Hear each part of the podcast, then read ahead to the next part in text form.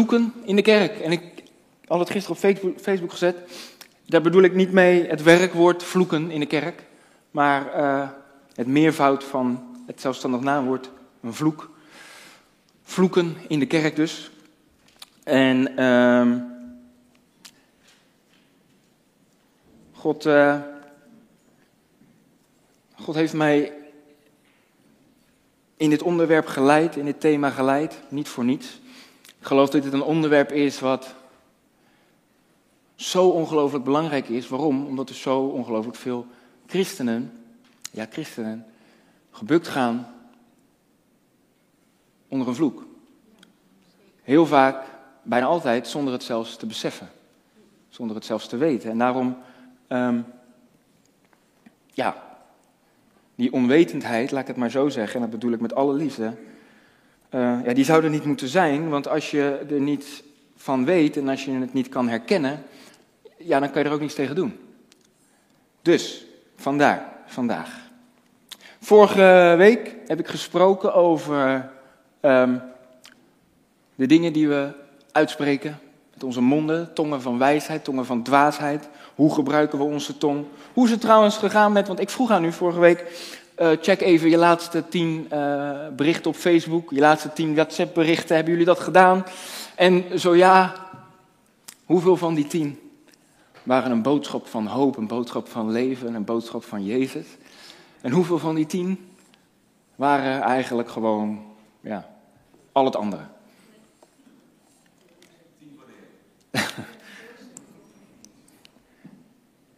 Was gewoon even, weet je wel, voor jezelf. En even kunnen checken van ja.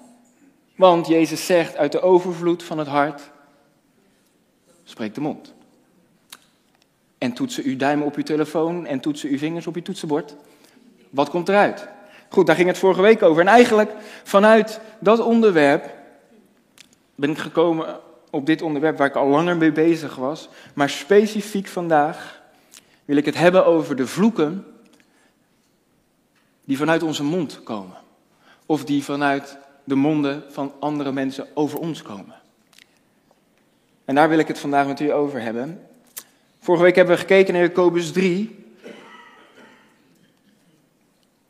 En heb ik niet alles laten zien wat ik wil laten zien. En dat komt goed uit, want daar gaat het vandaag dus over. De eerste helft hebben we vorige week al gelezen, de tweede helft niet. Ik lees hem helemaal. Zo staat het met de tong onder onze lichaamsdelen. Onze tong bevlekt ons hele lichaam en zet onze levensloop vanaf het begin in vlam. En ze wordt zelf door de hel in vlam gezet. Ja, de tong kan geen mens stemmen. Ze is een niet te bedwingen kwaad, vol dodelijk vergif. Door haar, dus door onze tong, en hier gaat het om, door onze tong loven wij God. Hebben we net gedaan. En de Vader. En door haar vervloeken wij de mensen die naar de gelijkenis van God gemaakt zijn. Uit dezelfde mond komen zegen en vervloeking voort. Dit behoort niet zo te zijn, mijn broeders en zusters, zegt Jacobus. Met diezelfde mond waarmee we net hebben gezegd, hebben gezongen, vul dit huis met uw glorie, Heer, wij houden van u. Uit diezelfde mond komt, als we niet daar alert op zijn, komt als de dienst straks afgelopen is en we gaan onze mond weer gebruiken, kunnen er woorden uitkomen. Ik zal niet gelijk zeggen woorden van vloek, maar laat ik maar dan wel zeggen, in ieder geval geen woorden van leven. Misschien wel tegen uw man of uw vrouw, die weer eens niet luistert. Misschien wel naar eh, die, die, die uh, hoe heet dat, uh, wegmisbruiker die u afsnijdt. Daar heb ik altijd last van. Ik vergeet, en dat moet ik dus leren nog, om dan woorden van zegen over die wegmisbruiker. Misschien moet ik me dan ook geen wegmisbruiker meer noemen, maar gewoon weggebruiker.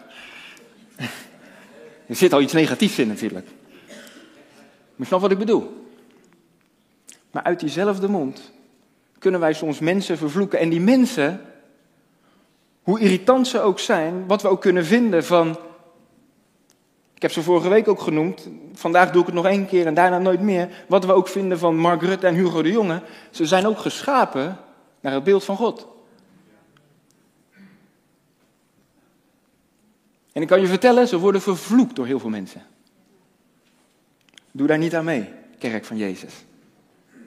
Bid voor ze. Dan kan er verandering zijn. Ze vervloeken, helpt geen ene moer. Iedereen gelooft in zegen. Iedereen gelooft in zegeningen en wil ze graag ontvangen. We zeggen heel vaak tegen elkaar: God zegen, God zegen. Maar niet iedereen gelooft in vloeken. Want ja, Jordi, vloeken en vervloeking, ja, dat klinkt allemaal zo heftig, zo zwaar. Dat klinkt eigenlijk zo, zo ouderwets ook, zo middeleeuws. Zo, zo, als ik naar een film kijk en de middeleeuwen, dan wordt er iemand vervloekt door een of andere tover, tovenaar of door een, door een heks of zo in een Disney-film. Dat, dat, dat is toch helemaal niet meer van deze tijd. Lieve broer, lieve zus, zoals de zegen van God realiteit is, zo zijn ook vloeken, ja zelfs ook van God, nog realiteit vandaag de dag. Maar hoe kan dat nou, Jordi? Dat is toch allemaal, die vloeken in de Bijbel, dat is toch allemaal Oud Testament, dat is toch al niet meer voor nu? En God is dezelfde, gisteren, heden en tot in alle eeuwigheid. God is, een God, God is liefde. Maar God, en dat willen mensen vaak alleen maar horen, dat God liefde is, maar God, Gods volmaakte liefde houdt in dat Hij heilig is, dat Hij rechtvaardig is en dat Hij altijd voor recht staat. Dus wat krom is, is krom en wat recht is, is recht. En als je krom doet, ga je krom zaaien. Als je krom doet, dan volgt er ook oordeel. Enige verschil waarom wij op dit moment hier zitten en niet onder zijn oordeel vallen, is omdat dat oordeel is gekomen op Jezus. Maar rechtmatig had het oordeel op u moeten komen en op mij moeten komen. Jezus heeft die rechtsgrond weggeblazen. Maar goed, daar wil ik het niet over hebben vandaag. Het is een realiteit, lieve mensen, dat de kerk van Christus en heel veel mensen daarbuiten natuurlijk, maar specifiek nu vandaag christenen, dat we gebukt gaan onder vloeken en woorden van dood. Heel veel problemen die wij nu brengen en vertellen tegen een therapeut of tegen een psychiater. Heel veel van die problemen, dat is niet verkeerd hè, om, om daar naartoe te gaan, maar heel veel van die problemen die we bij hun neerleggen, vinden, niet allemaal, maar vinden hun oorsprong in een vloek. En we kunnen daar van alle naamplaatjes op zetten. Van ja, dat komt omdat mijn vader mij vroeger dit heeft, mijn vader dit gezegd, mijn moeder heeft mij dit misbruikt. En zeker, allemaal, kan, allemaal. Maar het kan, en vaak is dat zo, dat het, de bron daarvan is een vloek.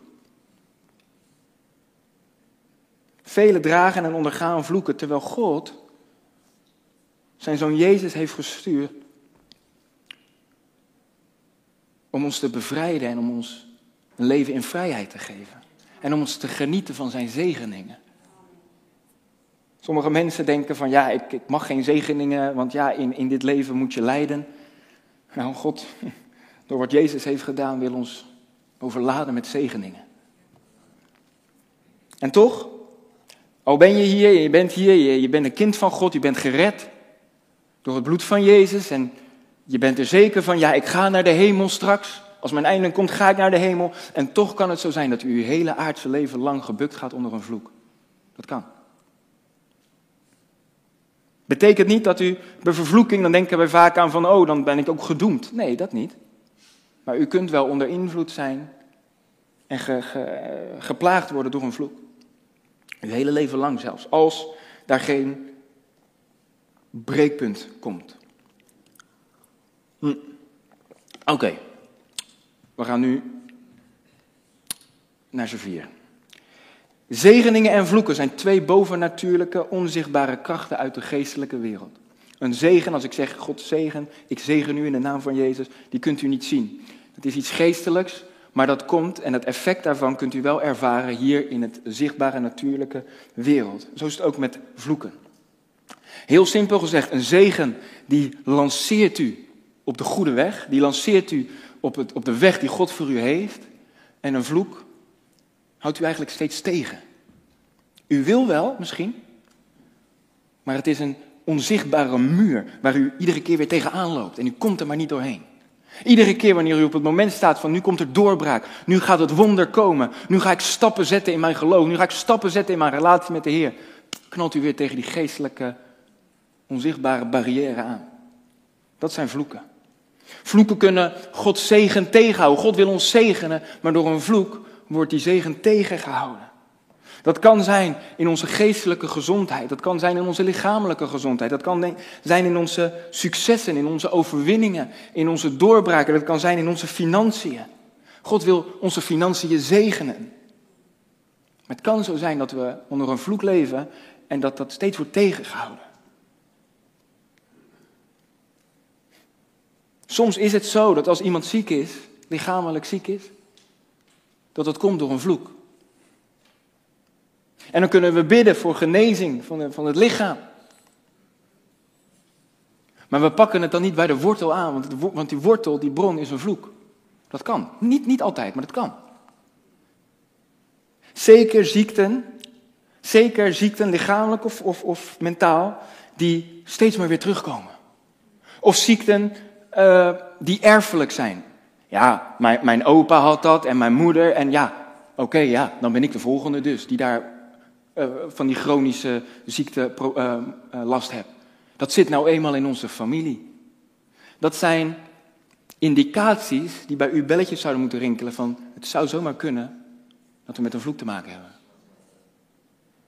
Vooral erfelijke ziekten. Of ziekten waar wij zelf en waar de artsen en specialisten geen natuurlijke oorzaak van kunnen vinden. Ze begrijpen er niks van. Dat kan betekenen dat het door een vloek komt. Ik ken voorbeelden zat van mensen die ziek waren en die om gebed vroegen. En dat er tegen diegene, dat de Heilige Geest sprak tegen diegene die voor hen ging bidden. En dat de Heilige Geest zei: Je moet niet bidden in de eerste plaats voor haar lichaam, maar er is een vloek die eerst verbroken moet worden. En op het moment dat er gebeden werd en dat die vloek verbroken werd in de naam van Jezus, hoefde er, hoefde er nog niet eens voor die ziekte meer gebeden te worden, want ze was direct ook genezen. Zo werkt dat. Zo kan het zijn. Doordat die oorzaak van die ziekte ligt in een vloek. Of mensen die, je hebt mensen die zeggen, ja, ik heb altijd pech. Ik heb altijd maar ongelukken. Ik heb in anderhalf jaar tijd heb ik drie auto-ongelukken gehad, ben ik zes keer van de trap gevallen. Ja, eh, dat, dat kan. En ik zeg niet dat dat een vloek is, maar ik zeg wel, het is een indicatie dat er andere krachten meespelen. Ga zelf op onderzoek uit, samen met de Heer en met de Heilige Geest. Of mensen die van verlies naar verlies gaan, in plaats van overwinning naar overwinning. Van verlies naar verlies. Of mensen die altijd maar, waar een patroon is, en dat is een patroon, een patroon is van financieel, financiële tekorten. Terwijl ze wel goed leven met hun geld. En met goed leven bedoel ik dat ze goede rentmeesters zijn over hun financiën, wat God hun heeft toevertrouwd. En ze geven God wat hem toebehoort en ze, ze, offeren, eh, ze, ze brengen hun offers aan de Heer. En toch, hoe kan het?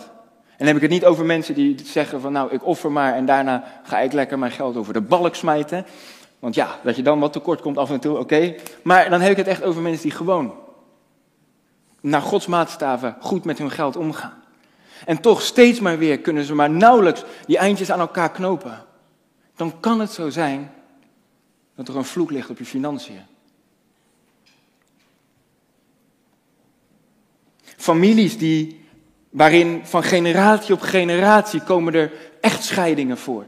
Ja, mijn oom en tante zijn gescheiden, die zijn gescheiden, die zijn gescheiden. In mijn familie scheuringen. Dan kan het zo zijn dat er een vloek is op uw familie. En ik zeg hiermee niet, lieve, lieve mensen, alsjeblieft, begrijp me niet verkeerd. Ik zeg hiermee niet, oh, elke ziekte is een vloek. Elke uh, onvruchtbaarheid is een vloek. Elke financieel tekort is een vloek. Nee, dat zeg ik niet. Maar wat ik zeg, is wat Gods woord mij laat zien. En dat zijn indicaties. Ik kan alleen maar uh, um, symptomen van een vloek, wat Gods woord mij zegt, die kan ik u delen. Zodat u zelf kan gaan onderzoeken aan de, door de leiding van de Heilige Geest, heb ik daarmee te maken. Kijk, ik kan niet aan u vertellen, ja, u heeft te maken met een vloek. Maar ik kan u alleen maar de waarheid van Gods woord laten zien. En u zelf moet dan gaan onderzoeken en vragen aan de Heer, laat mij zien, als dat het is, Heer. Laat mij dan zien of het een vloek is waar ik mee te maken heb.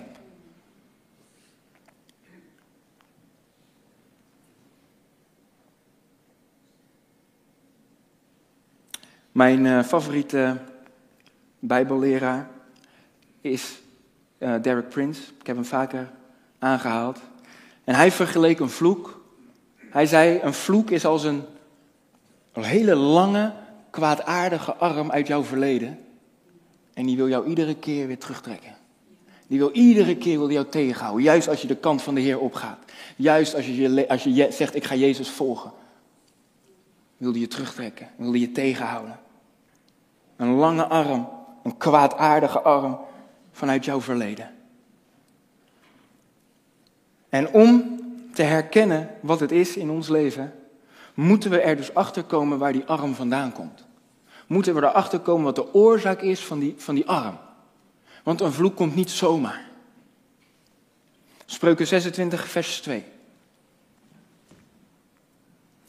Zoals een mus wegvlucht, zoals een zwaluw wegvliegt, zo komt een vervloeking zonder reden niet aan. In de oude statenvertaling staat het mooier en duidelijker, vind ik. Gelijk een mus is tot wegzweven, gelijk een zwaluw tot vervliegen, alzo zal een vloek die zonder oorzaak is niet komen. Met andere woorden, een vloek zonder oorzaak bestaat niet. Een vloek heeft altijd een oorzaak. Aan u is het om erachter te komen, als u te maken heeft met een vloek, waar komt die vandaan? Wanneer is die in mijn leven gekomen? Is die gekomen door uh, wat mijn voorouders, want vloeken gaan van generatie op, kunnen van generatie op generatie gaan. Komt het daardoor? Komt het, heb ik uh, uh, iets verkeerds in huis gehaald? Want vloeken kunnen ook door verkeerde objecten of verkeerde beelden in ons huis komen. Door wat dan ook. Er zijn ongelooflijk veel oorzaken die een, die een vloek kunnen brengen. Maar even, voor, voor vandaag, even heel grof genomen, zijn er twee categorieën oorzaken voor vloeken.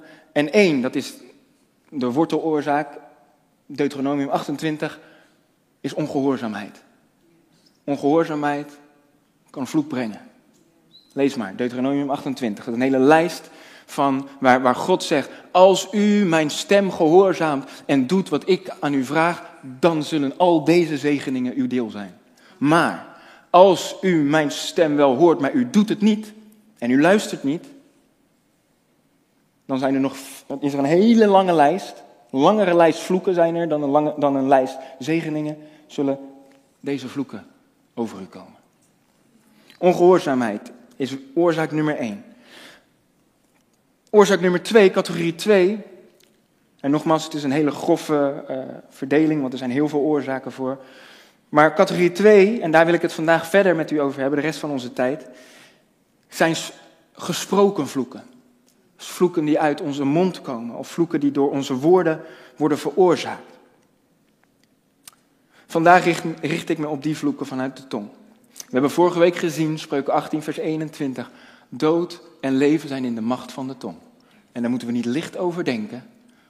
U heeft op uw lippen kunnen er woorden, vanuit uw lippen kunnen er eh, woorden van dood komen en woorden van leven. Maar de keuze is aan u. Wat u met uw mond en met uw tong doet. Ik heb drie soorten. Drie soorten vloeken vanuit de mond. Nummer één is woordbreuk. Woordbreuk is een ander woord voor het breken van onze beloften aan God. Laten we lezen, Zacharia 5, vers 1 tot 4. De profeet Zacharia kreeg een beeld te zien, een visioen van de Heer. En in dat visioen zag hij een vliegende boekrol. Nou, dat is heel apart. Een vliegende boekrol. En op beide zijden, aan, aan weerszijden van die boekrol, stonden twee mensen geschreven die onder een vloek waren. En toen zei hij, dat is God tegen mij, dit is de vloek die zal uitgaan over heel het land. Volgens deze vloek zal namelijk ieder die stilt van hier weggevaagd worden. En volgens deze vloek zal ieder die een valse eed aflegt, deze een valse belofte aflegt, van hier weggevaagd worden. Ik heb deze vloek, dat is God dus, ik heb deze vloek doen uitgaan, spreekt de Heer van de legermachten. Hij zal, dat is de vloek, de vloek zal naar het huis van de dief gaan en naar het huis van hem die in mijn naam een valse eed aflegt. Hij zal midden in zijn huis overnachten en het huis vernietigen met zijn huis en met zijn stenen. Valse eed is een valse belofte. Ik kan hier heel kort over zijn, over deze categorie.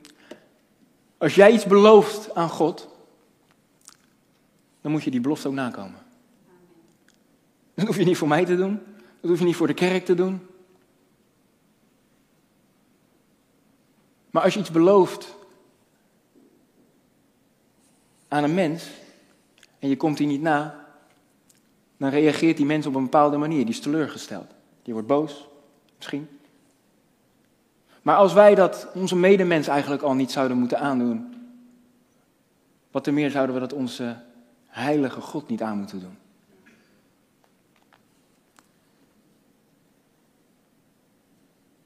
Ook al heb je die belofte geuit, niet in je gebed naar de Heer, maar heb je die belofte geuit naar een medemens. Maar als het wel is een belofte die gaat over de dingen van de Heer, of het werk van de Heer, of het geven aan de Heer, dan is dat net zo goed een belofte die je aan de Heer doet. Ook al heb je het aan iemand anders verteld. Ja, als het wat rustiger is op mijn werk, dan ga ik dienen in de gemeente. Als ik een andere baan heb en ik heb meer financiën, dan kan ik mijn tienden en hefoffers geven. En wat we vaak zien, is God zegent, want God is vol genade. God zegent, hij geeft die nieuwe baan. God zegent en hij doet het. Hetzelfde met ziekte. Als ik genezen word van deze ziekte, Heer, als u mij geneest, o Heer, dan ga ik geen enkele dienst meer in, de, in het huis van de Heer ga ik missen. Ik zal er altijd zijn. Ik ken een, ik ken een prachtige getuigenis via Tamara van, van een vrouw uit haar vorige gemeente. Die was heel ziek en die kon niet naar de kerk komen. En toen werd ze genezen. En toen was ze niet meer uit die kerk weg te slaan. De koster moest haar op de rug tikken van, kan je alsjeblieft weggaan, want we gaan sluiten. Is, waar, is echt. Maar zij zeggen, ik wil in het huis van de Heer zijn, ik wil hem dienen, ik wil hem aanbidden. Want ik heb dat jarenlang niet gekund. En God is genade, God geneest. En God doet het wonder en God geeft een nieuwe baan. Hij, hij, hij, hij, geeft ons uit genade. Maar het punt is, is dat we vaak, als het dan eenmaal hebben we het ontvangen, eenmaal zijn we genezen, eenmaal hebben we die zegen van de Heer ontvangen en dan vergeten we wat we beloofd hebben aan de Heer. Ik zeg je, lieve broer, lieve zus, God is vol genade, klopt. Maar als je dat doet, zet je een deur open voor het oordeel en voor de vloek. Als je je niet houdt aan de belofte die je aan God hebt gedaan. Pas daarmee op. En ik zeg dat in alle liefde. Waarom? Omdat ik u wil waarschuwen en niet wil dat er een, een deur opent voor een vloek of wat dan ook. Prediker 5, vers 1 tot 6. Nou ja, als het nog niet duidelijk genoeg is, dan is de Bijbel altijd duidelijk, gelukkig en helder. Wees niet te snel met uw mond. En laat uw hart zich niet haasten een woord te uiten voor het aangezicht van God. Wanneer u aan God een gelofte doet, wanneer u een belofte doet aan de Heer, stel dan niet uit die na te komen. Want hij heeft geen welgevallen aan dwazen. Kom na wat u belooft. Het is beter dat u niet belooft, dan dat u wel belooft, maar niet nakomt. Sta uw mond niet toe uw vlees te doen zondigen. Ja, het is een zonde. Waarom zou God zeer toornig worden om wat u zegt en het werk van uw handen te gronden richten? Daarom vrees God. Als wij de Heer vrezen, dan zullen we geen valse en loze belofte doen aan Hem. Als uw vader een tiran was en een dictator en u belooft hem wat, dan bent u zo bang voor hem. Als de wie de weer gaat u die belofte nakomen. En nu hoeft u voor God niet bang te zijn als in, u snapt wat ik bedoel. Maar vrees de Heer boven alles. Nummer twee. Over jou uitgesproken vloeken. Die mensen over jou hebben uitgesproken. Misschien in je verleden, misschien gisteren nog. Door wat mensen, hun woorden, en dat, dat is, heel, is heel logisch. De Bijbel is het meest logische boek ter wereld. Er zit dood en leven zit in de macht van de tong. Dat betekent dat als mensen, mensen kunnen leven over u uitspreken en mensen kunnen dood over u uitspreken. Mensen kunnen met hun mond u zegenen en mensen kunnen met uw mond u vervloeken. En dan vooral mensen die in een bepaalde gezagsrelatie tot u staan. Wij, Nederlanders, 2021, wij houden niet van het woord gezag. Maar de Bijbel spreekt over gezag. Zo simpel is het. Een man heeft over zijn vrouw een bepaald gezag. Ouders hebben gezag over hun kind. Een leraar heeft gezag over zijn leerling. Een voorganger heeft een bepaald gezag over hun gemeenteleden. Bijbelse principes. Als ik dan naar mezelf kijk sinds ik vader ben, dan moet ik bekennen dat ik wel eens dingen zeg, ook over mezelf, maar ook tegen mijn kinderen. Die zijn totaal geen woorden van leven en woorden van opbouw. Ik kan wel eens zo ongeduldig zijn naar mijn kinderen toe, dat ik wel eens dingen zeg die ik niet moet zeggen. Terwijl ik weet dat de Bijbel mij leert dat na de zegen van God is de zegen van een vader, de zegen van een moeder, de belangrijkste zegen die je in een leven kan hebben, kan krijgen. Na de zegen van God. Maar wat je, wat je ouders als kind, wat, wat jouw ouders tegen jou als kind hebben gezegd, dat kan jou een leven lang tegenhouden en blokkeren. En vaak denken we van, ja, dat, dat, dat, zijn nou eenmaal, ja, nou ja, woorden, hè, daar moeten we maar vanaf komen. En dan gaan we maar naar, wat ik zei, naar de therapeut en dan praten we over, prima allemaal. Maar vaak zijn het woorden van vloek. Zijn het vloeken. Laat maar het plaatje zien wat ik, nou ja, niet toevallig, maar dit kwam ik deze week tegen. Ik heb het niet eens gezocht, maar het werd in mijn schoot geworpen door een andere spreker. Die niet wist dat ik het hierover ging, spreken, uh, over ging hebben, dus nou ja.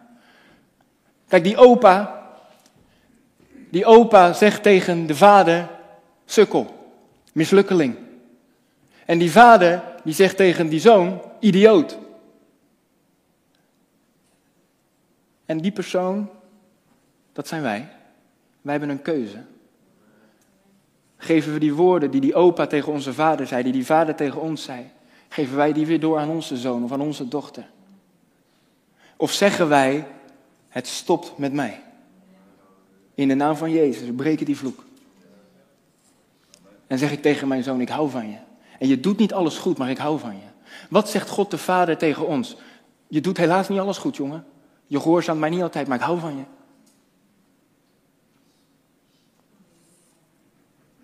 Een vloek. Een van, de een van de grootste kenmerken van een vloek is ze gaan van generatie op generatie. Totdat er iemand is die, die die vloek herkent en zegt: Hier stopt het. En daarom geeft God deze boodschap aan ons vandaag, zodat wij allemaal in onze familie of waar we ook komen een vloek herkennen, zodat we kunnen zeggen, en ik ben er, en die vloek die breekt met mij, breekt bij mij. Die stopt bij mij. Spreuken 12, vers 18. Er zijn er, er zijn mensen die als met dolksteken praten, ondoordacht. Maar de tong van de wijzen betekent genezing. Ik heb een paar voorbeelden voor u van deze dolksteken. Voorbeelden die ik uit een boek heb, ze zijn, die waar gebeurd zijn. Dus luister goed. Een moeder had twee zoons. Maar één, de jongste, was wel echt haar lieveling. Haar favorietje. Oké, kan je van alles van vinden, maar oké, het was zo. En ze hielden van elkaar, was hartstikke goed. Moeder, zoon, perfect. Totdat, totdat die zoon naar Bijbels principe en naar Bijbels voorbeeld zijn vader en zijn moeder wilden verlaten om één te worden met een vrouw. Toen waren de poppen aan het dansen. Want die moeder die zag erbij al hangen, Die dacht, ik ga mijn zoon verliezen aan die vrouw. Dus wat deed die moeder? Woorden uitspreken. Die vrouw, die is niet goed genoeg voor jou, jongen. Die is niet goed genoeg voor. Kijk, kijk hoe ze is. Kijk hoe ze is. Als wij over straat lopen, dan kijkt ze naar andere mannen. Ik ga je zeggen, voor je het weet, vroeg of laat, zal ze jou een keer bedriegen. En zal ze overspel plegen. Ze is niet goed genoeg voor jou. En kijk, ze is ook nog eens een keer lui. Ze is zo lui, ik zal je zeggen, jij zal als je met haar trouwt, zal je altijd financiële tekorten hebben. Zo lui is ze. En wat gebeurt er? Een vloek wordt uitgesproken. Waar dat echtpaar, waar die, die, haar zoon dus en haar schoondochter jarenlang onderleden. Zo waren er ook twee gemeenteleden, een man en een vrouw in een kerk. En die waren welgesteld, hadden veel geld, waren rijk. En uh, ja, hoe je het ook draait of keert. Elke volganger die nodigt heel graag rijke mensen uit als ze hun tiende en offers geven. Want ja, alles moet betaald worden. Maar op een gegeven moment, die twee mensen, die wilden de gemeente verlaten. En wederom, die voorganger zag erbij al hangen. Die denkt, daar gaat de helft van mijn inkomen. Het is niet goed om zo te denken, maar we zijn ook maar mensen. En hij begon te praten met hun. En hij zei: Als jullie deze gemeente verlaten. Ik wijs hier, maar het was niet hier. Als jullie deze gemeente verlaten. God heeft jullie hier geplaatst, wist je dat? En als jullie deze gemeente verlaten, dan waar jullie ook heen gaan, jullie zullen nooit gezegend worden. Want jullie stappen uit de wil van God.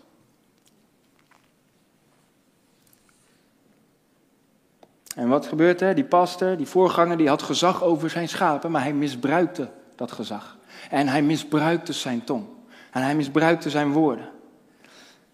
En wat gebeurt er? Ze gingen failliet, een bedrijf ging failliet. Vloek. Laatste voorbeeld. Een man, een zakenman, succesvol. Deze was ook weer rijk. Want alles wat zijn hartje begeerde. Trouwde met een vrouw en die vrouw die hoefde niet te werken, want ja, hij was rijk zat. Maar er was één probleem. Die vrouw die kon helemaal niet koken. Die kon er helemaal niets van. En ja, in het begin van hun huwelijk, nou ja, dan tolereer je dat nog wel. oh ja. Maar goed, ja, hè, liefde gaat door de maag. Dus ja, op een gegeven moment Nee, sorry. Serieus is dit. Hij begon te spreken en hij zegt tegen haar, die bom barst op een gegeven moment, jij kan er helemaal niets van in de keuken. Je doet het altijd verkeerd. Sterker nog, ik word helemaal ziek van jouw eten. Stop er maar mee. We lachen er nu om, maar eindstand, hè? Eindstand. Waar gebeurt? Eindstand. Die vrouw, uiteindelijk scheiding. Uiteindelijk, die vrouw, iedere keer als zij in haar verdere leven, terwijl ze niet eens meer getrouwd was met hem, in de keuken stond en ze wilde beginnen om iets te koken, kwamen die woorden van vloek weer van die man. Kwamen als een, als een donkere deken over haar heen. En een geest van angst, een geest van onzekerheid. En ze begon al te bibberen als ze die pan ging vasthouden. Woorden van vervloeking.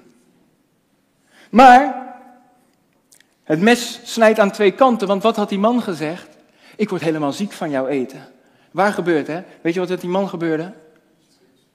Chronische darmaandoening, even later. En alles wat hij at, dat viel niet goed. Dat is de macht die in onze tong ligt, die op onze tong ligt. Dat is de kracht van onze woorden. Onderschat die dus niet wat je tegen je kinderen zegt, wat je tegen je man zegt, wat je tegen je vrienden zegt, tegen je collega's, wie dan ook. Onderschat de kracht van woorden niet. En het laatste voorbeeld van die man, dat is de derde categorie, laat maar zien, dat is, dat zijn vloeken die je over jezelf uitspreekt. Ik word er helemaal ziek van.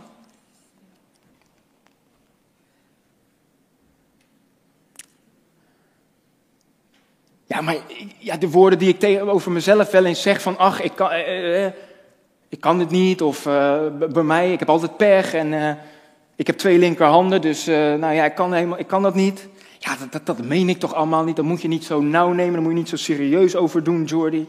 Dat meen ik toch allemaal niet zo. Het wel of niet menen van zulke woorden ontneemt niet de kracht van die woorden. Want de kracht zit erin dat je ze uitspreekt.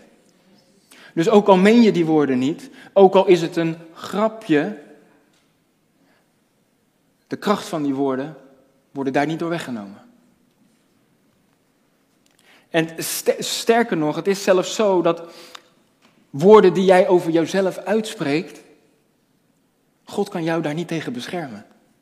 Omdat het jouw keuze is waarmee je de opening laat en waar je de vijand of waar je vloeken ingang geeft. En zegt, ik sta toe, kom maar.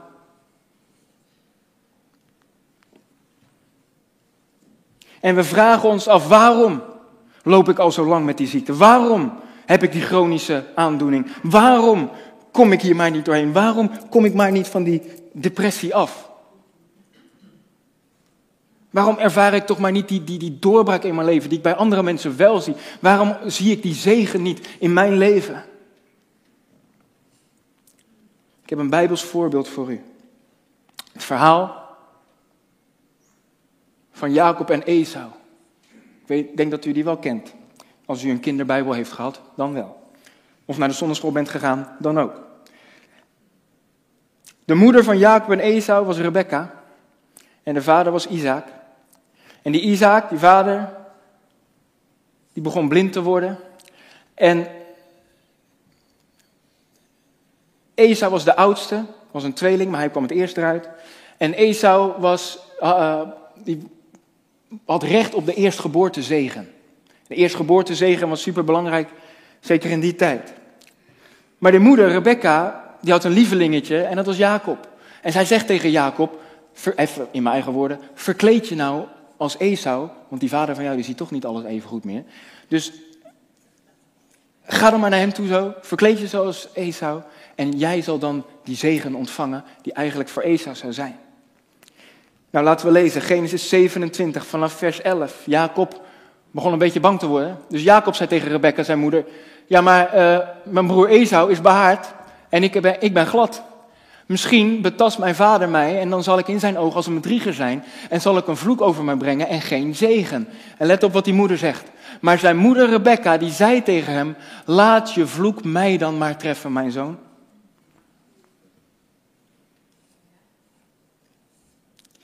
En over Rebecca.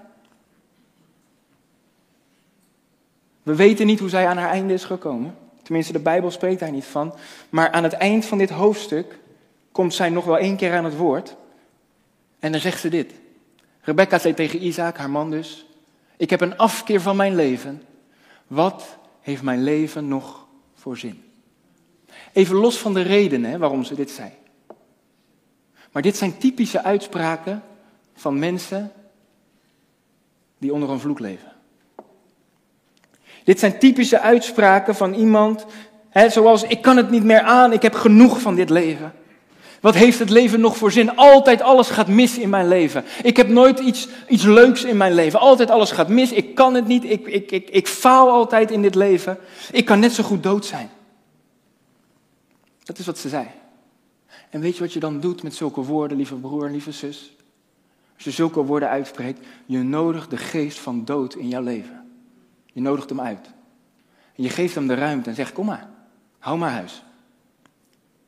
Je geeft die geest van de dood, geef je ruimte en autoriteit. En de geest van de dood werkt vaak in, in een proces. Hij gaat je ziek maken. Je zieker wordt. Je wordt zieker, je wordt zieker. Totdat je bijvoorbeeld wat heeft mijn leven nog voor zin? Je gaat, en iemand pleegt zelfmoord. Wat heeft het leven nog voor zin? En door die woorden zie je dat iemand veel te jong een onnatuurlijke dood sterft. Dat is de macht die onze woorden kunnen hebben. Die we over onszelf uitspreken en over onszelf afroepen. Dit is wat God bedoelt met de vrucht van je. Je zal eten van de vrucht van jouw tong. Wat je uitspreekt, dat is een vrucht, heb ik vorige week gezegd. En die vrucht, die eet je zelf ook. Jouw buik wordt verzadigd, zegt Spreuken 18, van wat er uit je mond komt. Dus als er woorden van dood over jouzelf uit jouw mond komen, zal je dat eten. Het is zo belangrijk, te zijn, zo belangrijk om daar alert op te zijn. Dat overkomt mij altijd. Dat gebeurt mij altijd, net als mijn ouders. Die hadden ook altijd pech, die hadden ook altijd financiële tekorten. Ik heb dat ook. Mijn moeder was altijd ziek, zwak en misselijk. Ze had zo vaak hoofdpijn, ik zal de volgende wel zijn. En ik zal daar ook nooit van afkomen. Het zit in mijn familie, dus ja, dan is het nou eenmaal zo.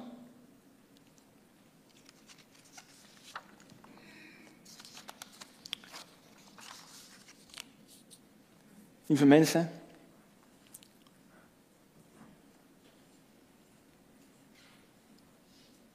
Super serieus wat ik heb gezegd. En super ernstig ook. Omdat het, omdat het zo nauw luistert, echt. Omdat het zo ernstig is. Maar net zoals vorige week heb ik aan het einde van de boodschap altijd goed nieuws. En het goede nieuws is dat er een antwoord is op vloeken en op een vloek. En het antwoord is Jezus. Jezus is de enige die u kan bevrijden daarvan. Hoe goed psychiaters en therapeuten het ook bedoelen en hoe goed ze ook hun werk doen. Er is maar één die definitief de banden van een vloek kan verbreken en dat is Jezus. Als je jezelf hierin herkent, Misschien woorden die jij zelf hebt uitgesproken naar andere mensen toe, of naar je kinderen toe, of naar je man of naar je vrouw. Of als je jezelf herkent in dat je dingen over jezelf hebt gezegd die niet in lijn zijn met wat God over jou zegt, in ieder geval. Dan heb ik een paar stappen voor je. En dat is eerst, herken het en erken het. Dat is één. Dan moet je bij Jezus komen en bekeren daarvan. Tot inkeer komen, vergeving vragen. En dan, en dat is heel praktisch, dan moet je de woorden die je over jezelf hebt uitgesproken, moet je terugnemen. Moet je intrekken. Je hebt al tegen de Heer gezegd, vergeef mij Heer, dat is niet goed wat ik heb gedaan. Nu trek ik die woorden in en neem ik ze terug. En wat je dan moet doen, want als je iets terugtrekt, en je brengt er niet voor in de plaats, dan blijft het leeg. Wat je moet doen, je trekt je woorden terug en je vervangt ze met de waarheid van Gods woord. Wat God zegt. Petrus, Petrus die verlogende Jezus drie keer, weet u nog wel? Ik hoor niet bij hem. Ach, hoe kom je erbij? Ik hoor niet bij Jezus. Ik hoor niet bij Jezus. Drie keer. Weet je wat er staat? Die derde keer toen hij dat zei, hij vervloekte zichzelf. En even later, nadat Jezus was gestorven aan het kruis en Jezus was opgestaan uit het graf, even later lezen we dat Jezus, de opgestaande Jezus, vroeg aan Petrus: Petrus, hou je van mij? Heb je mij lief? Heb je mij lief? Drie keer. Omdat hij drie keer Jezus had verlogend, moesten die woorden drie keer vervangen worden met woorden van liefde en woorden van leven. Als u woorden over uzelf hebt uitgesproken, trek ze in en vervang ze met de woorden die God over jou zegt. Vervang ze met de waarheid van Gods woord. En als jij dat in geloof doet, dan ontkracht je die eerdere uitspraken en dan kan Jezus met jou de weg van herstel beginnen. De weg van vergeving en de weg van genezing. Galaten 3, vers 13, dat is het laatste. Mijn laatste slide. En hier zit het helemaal in. Christus heeft ons vrijgekocht van de vloek van de wet door voor ons een vloek te worden. Want er staat geschreven, vervloekt is ieder die aan een hout hangt. Opdat de zegen van Abraham in Christus Jezus tot de heidenen zou komen. en opdat wij de belofte van de geest zouden ontvangen door het geloof. Jezus werd een vloek voor ons om elke vloek in ons leven te verbreken. Om ons van elke vloek te bevrijden, zodat wij van vloek naar zegen kunnen gaan. Maar om die bevrijding te ontvangen, moeten we ons eerst bewust worden, lieve broer en lieve zus, of wij niet te maken hebben met een vloek in ons leven. En hoe die nou in ons leven is gekomen, het zij door ongehoorzaamheid, het zij door, het zij door blijvende ongehoorzaamheid, het zij door uh, uh, wat anderen over ons hebben uitgesproken, het zij over wat wij over onszelf hebben uitgesproken. We moeten dat gaan herkennen. Dan kunnen we ermee dealen door het bloed van Jezus. Your cross, my freedom, your stripes, my healing, our praise, King Jesus. Glory to God in heaven, your blood still speaking, your love still reaching, our praise, King Jesus. Glory to God forever. Your cross.